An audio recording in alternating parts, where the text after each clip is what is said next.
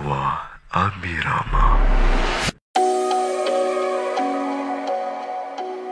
Hai hai hai, gimana nih kabarnya? Pasti baik dong ya. Bersama saya Elsa Noviasari, Commerce 19 di podcastnya e-komunisa episode 5. Let's talk about masa pandemi dunia perfilman harus bangkit lagi. Oke, kali ini ada dua teman diskusi. Yang pertama ada Kak Galuh Gita, alumni Commerce 16, sekaligus alumni anggota lsocoffee.com. Yang kedua adalah Kak Ahmad Fiuzani, Commerce 19 laku Ketua lsocoffee.com 2021. Boleh saya hey dulu dong. Halo Elsa, halo teman-teman semua commerce. Halo juga buat View. Halo Kak Elsa, halo teman-teman, dan halo juga buat Kak kita yang lagi sibuk saat ini. Hehehe. Sudah setahun lebih kita dihadapkan dengan kondisi pandemi seperti saat ini. Banyak hiburan beralih pada gadget masing-masing, tak terkecuali bioskop dan dunia perfilman. Banyak kreator yang sudah merilis karya mereka di beberapa platform film digital seperti WeTV, Netflix, Video, Disney Plus, dan lain-lain dengan cara berlangganan. Hal ini dilakukan untuk mempertahankan dunia hiburan juga kreator sendiri. Namun, di sisi lain nih, mereka pun banyak mengalami kerugian loh. Dengan bocornya file film, masyarakat dapat bebas menikmati film dari platform ilegal secara cuma-cuma. Nah, lalu gimana sih agar dunia perfilman tetap bangkit? Nanti kita bakalan diskusi bareng, tetap stay tune di podcast ini ya. Pertama, aku mau nanya ke Kak Gita, kira-kira suka nonton film nggak sih? Iya, aku suka banget nih nonton film. Kalau pas waktunya pandemi dulu, sebulan tuh paling nggak satu sampai dua kali lah ke bioskop. Kalau misalnya banyak film yang bagus atau yang uh, pengen banget ditonton ini bisa lebih dari itu. Terus sekarang juga waktu pas pandemi, aku sama teman-temanku juga uh, punya akun di Netflix kan share akun dan sebagainya gitu punya bareng terus kita sering nonton terus kita sharing-sharing tentang film ini ini ini Lalu, genre film apa sih yang disukai? Biasanya pilih nonton film yang berat atau ringan-ringan aja sebagai hiburan sambil menganalisis gitu. Atau nonton film karena apanya nih? hampir semua genre film aku suka kecuali kalau aku pribadi ya aku tuh uh, agak kurang suka sama genre action gitu kalau pemilihan film nih biasanya aku sesuaiin sama mood kalau lagi pengen nyantai atau hiburan waktu lagi capek biasanya milih yang romance tapi kalau lagi pengen mikir menganalisis gitu. Biasanya aku milih film yang punya isu sosial kuat atau dari film dokumenter. Jadi film dokumenter yang bagus tuh nggak akan kerasa kalau kita lagi nonton film dokumenter tapi kerasanya malah kayak film fiksi gitu. Kalau dampak dari pandemi yang kerasa kan kalau misalnya kita buka Netflix nih atau buka portal-portal lainnya gitu ya uh, kita bisa milih oh, aku lagi pengen yang romance nih aku cari yang romance. Ah atau aku pengen cari yang uh, horor nih bisa cari dari film-film yang ada gitu. Tapi kalau misalnya lagi nggak pandemi itu kan kita menyesuaikan juga ya lagi di bioskop ada film bagus gitu. Tapi rasanya waktu itu kayak nggak perlu mood atau gimana sih gitu. Kayak kan kalau misalnya nonton bioskop tuh kayak apa yang ada ya ayo aja gitu. Apalagi kalau sama temen atau pacar gitu. Karena nonton bioskop tuh udah jadi kayak ajang hiburan gitu. Pulang-pulang keluar dari uh, bioskop biasanya kita sambil jalan ke keluar lorong gitu. Kita kan analisis eh film ini tadi kamu kerasa nggak sih? Gini gini gini tuh kayak asik aja gitu nggak sih? Kalau misalnya lewat pandemi gini sudah sangat amat susah untuk bisa nonton bareng ya nggak sih? Terus kayak di lagi nonton terus tiba-tiba kayak kita lihat-lihatan kok gini sih sininya? gitu. Atau gimana atau kita bisa eh keren ini keren ini. Kan nggak langsung lihat sama teman nonton kayak gitu. Oh, oke okay deh. Jadi itu ya alasannya. Kalau Kak View sendiri nih biasanya nonton di mana? Bioskop atau streaming? Terus kalau online pilih platform yang berbayar atau gratis saja nih Ya kalau dari aku sendiri sih biasanya lebih sering nonton streaming meskipun dalam kondisi normal yang kemarin-kemarin sebelum pandemi itu ya tetap uh, streaming juga sih. Nah kalau aku sendiri kebanyakan nontonnya di Netflix tapi uh, sering ke trigger buat nonton film itu biasanya dari cuplikan di YouTube atau pembahasan-pembahasan film yang pengen aku nonton itu biasanya lihat di Instagram dulu apa yang lagi rame gitu di Instagram film apa gini gini gini gini. Baru aku nonton filmnya gitu. Kalau nonton di platform-platform yang tidak yang ilegal itu biasanya kan uh, kita sebagai pelaku film atau sineas-sineas ini kasihan juga sama yang produksi film itu. Kan udah produksi habisin uang banyak terus pas ditonton kitanya aksesnya gratis dan itu kan sudah termasuk bacakan juga jadi kasihan. Iya tuh bener banget kak View lalu lebih suka film pendek panjang atau web series? Kalau dari aku sendiri sih nggak terlalu memikirkan format dari filmnya entah itu film pendek, panjang ataupun web series. Yang penting itu suka sama ceritanya, pengelolaan ceritanya atau uh, pengelolaan karakternya juga. Kalau aku suka sama karakternya itu ya tak tak ya ya tak tonton gitu re. Jadi oh iya sama sinematografinya. Kalau ada sinematografinya yang keren itu kayak Hotel Budapest itu keren itu ya saya tonton juga gitu Kak Elsa Oke deh siap Kak View jadi dari beberapa fenomena yang udah aku sebutin di awal Gimana sih menurut Kak Gita tentang dunia perfilman pada saat pandemi khususnya di Indonesia? Jadi kalau dunia film itu termasuk industri yang terdampak ya karena uh, masuk dalam dunia hiburan. Jadi pas pandemi kemarin pastinya kita tuh inget kalau misalnya orang-orang tuh banyak memilih untuk mengalokasikan dananya untuk makan, dana darurat juga kesehatan. Nah, salah satu yang mereka hindari itu ya hiburan termasuk untuk ke bioskop ketemu banyak orang gitu.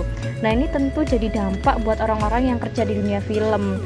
Dalam dunia film itu kan ada yang namanya siklus ya dari masa development, pra produksi, produksi dan pas juga pasca. Nah pasca ini masih bisa kita tangani dengan melihat di berbagai pemutaran online melalui kayak view, Netflix dan sebagainya. Tapi di sisi lain, film ini waktu produksinya ini yang semakin lama semakin menipis. Karena waktu awal-awal dulu pandemi kan kita masih ingat ya pemerintah nggak memberikan izin untuk berkumpul termasuk produksi film. Akhirnya kalau kita amati banyak sutradara-sutradara filmmaker yang bikin acara sharing session gitu via live Instagram bayangin yang biasanya kita tuh harus cari kesempatan untuk bisa ketemu dan dengar pendapat dari mereka. Sekarang kita bisa uh, mendapatkan ilmu-ilmu mereka secara gratis melalui sharing-sharing yang sering mereka adakan di Instagram pribadi mereka kayak gitu. Terus ketika mulai longgar nih akhirnya pelan-pelan industri film mulai bangkit pelan-pelan gitu. Jadi setiap uh, syuting itu mulai ada rapid test. Dulu kan belum ada swab antigen ya. Jadi sekarang uh, yang jadi yang dulu tuh rapid dulu gitu terus pelan-pelan juga bioskop tuh udah mulai buka. Di beberapa zona merah memang masih tutup tapi ternyata tuh banyak loh orang-orang yang bela-belain untuk keluar kota hanya untuk nonton bioskop gitu. Jadi kayak misalnya Surabaya ya mereka tuh rela ke Mojokerto buat nonton bioskop kayak gitu. Uh, karena meskipun nonton online melalui Netflix View dan sebagainya itu sangat amat memudahkan tapi tetap nggak bisa membandingkan feel ya.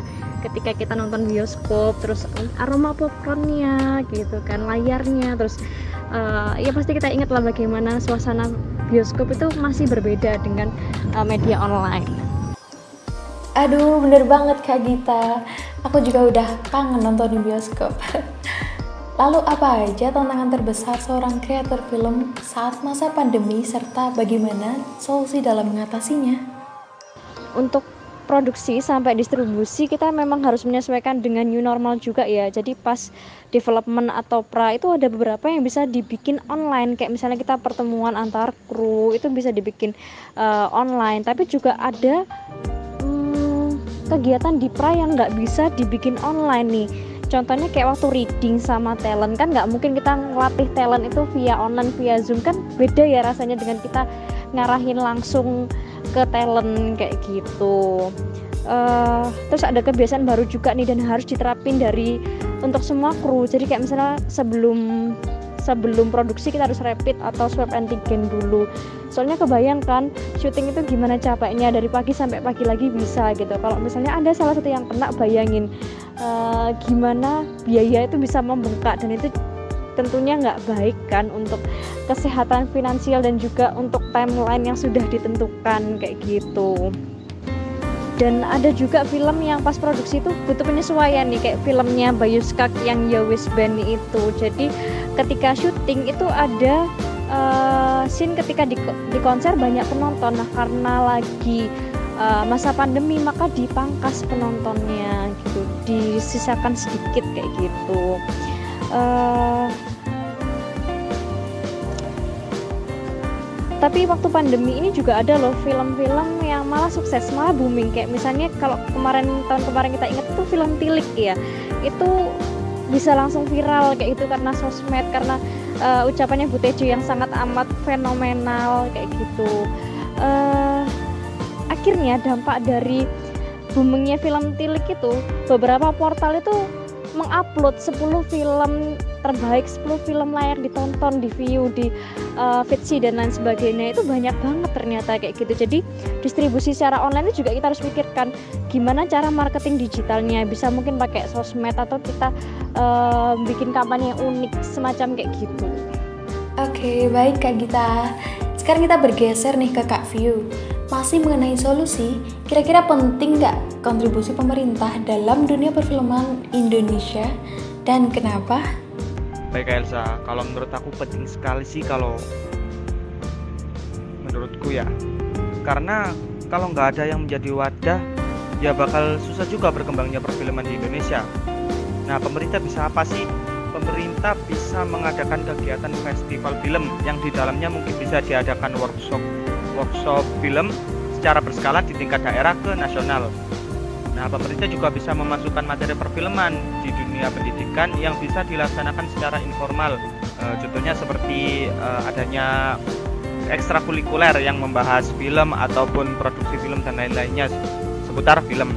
Pemerintah juga bisa memfasilitasi terbentuknya asosiasi dan komunitas film tiap daerah untuk meningkatkan kuantitas dan kualitas perfilman nasional Pemerintah juga bisa membuka beasiswa jalur perfilman dengan tujuan untuk menciptakan sineas berkualitas yang ke depannya bisa membuat film-film keren yang bisa go internasional. Amin.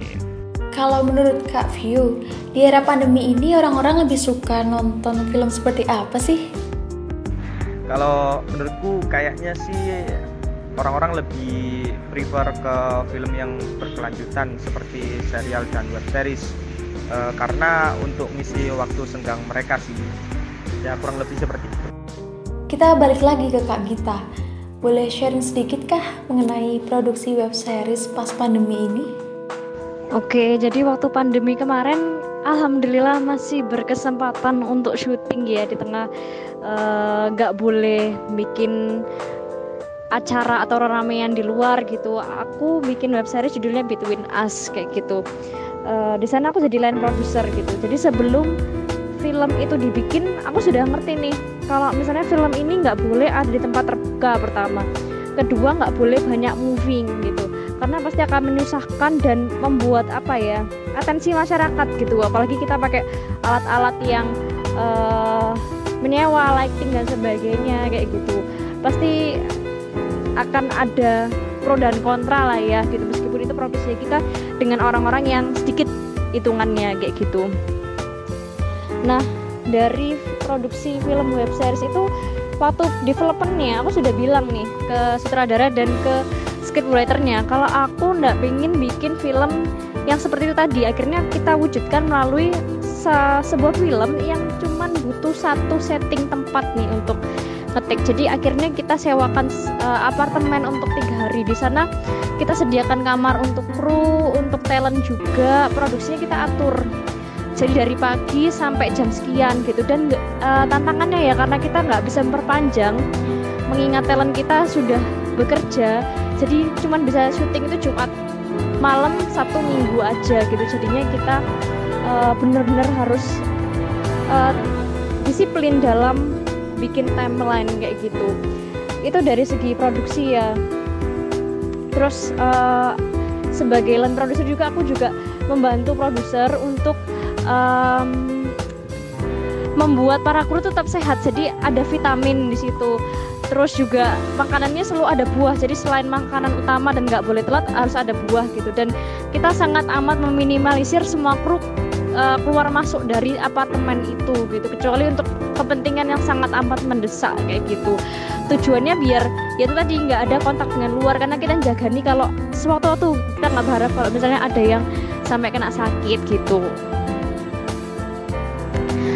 Nah pas distribusi ini kami menyadari kalau misalnya film ini akan agak susah ketemu sama penontonnya. Karena kalau misalnya non pandemi kan bisa diputarkan di pemutaran offline antar komunitas juga bisa. Nah karena masa pandemi akhirnya kita harus bekerja sama juga dengan berbagai akun-akun besar nih. Selain akun kita pribadi sebagai filmmaker kayak gitu terus kita bikin yang sederhana itu bikin schedule. Jadi kalau misalnya hari Rabu sama Minggu maka benar-benar hari Rabu sama Minggu kita harus upload dan kita rame-rame nih kita uh, kampanyekan dan kita ajak juga teman-teman kita yang megang official account official account gitu. Tolong dong ini di apa namanya uploadkan dan sebagainya kayak gitu. Itu sangat amat membantu banget sih. Terutama web series kita ini kan um, memuat pesan secara soft selling ya. Uh, kampanye untuk di rumah aja tapi biar nggak terasa kalau kita bener-bener kayak menyuruh orang kamu harus di rumah aja gitu. Karena kampanye yang seperti itu itu orang-orang tuh udah bosen kayak iya iya aku udah tahu nih aku harus di rumah aja. Tapi ketika kita menyampaikannya secara soft selling gini loh kamu tuh penting berada di rumah aja karena seperti ini keadaannya kayak gitu secara soft selling dan uh, apa ya memberikan unsur humanis itu akhirnya membuat para penonton harapan kami itu tersadar. Kalau misalnya ya penting untuk berada di rumah aja gitu tanpa mereka merasa digurui oleh para filmmaker ini. Wah, keren banget nih bisa tetap produksi walaupun pas pandemi. Sukses untuk web seriesnya ya, Kak. Oke, okay, last question. Kak Gita setuju nggak kalau bioskop dibuka kembali? Iya aku setuju banget untuk bioskop dibuka karena ada satu hubungan ya mulai dari pembuat film sampai nanti waktu uh, distribusi termasuk ketika film itu dipromosikan bisa jadi ajang untuk uh, promosi suatu tempat wisata kayak gitu. Jadi dengan harapannya dengan ketika bioskop dibuka maka industri-industri lain yang berkaitan dengan film dan teman-temannya akan segera bangkit lagi. Jadi aktivitas ekonomi juga semakin meningkat dan menguat lagi. Pertanyaan yang sama, setuju nggak kalau bioskop dibuka kembali, Kak View? Ya, bener, setuju banget sih sama seperti apa yang disampaikan sama Kak Gita. Karena untuk menghidupkan kembali dunia perfilman yang sudah terpuruk karena pandemi ini. Gitu. Baik, terima kasih untuk kedua teman diskusi kita kali ini, Kak Galugita dan Kak Ahmad Fiuzani pada Let's Talk episode 5. Kita berharap semoga pandemi COVID-19 bisa segera hempas dan berakhir ya, sehingga dapat terus berkarya dan menikmati film-film dari sineas terbaik. Amin. Stay healthy and safe. Elsa pamit undur diri. See you, bye-bye.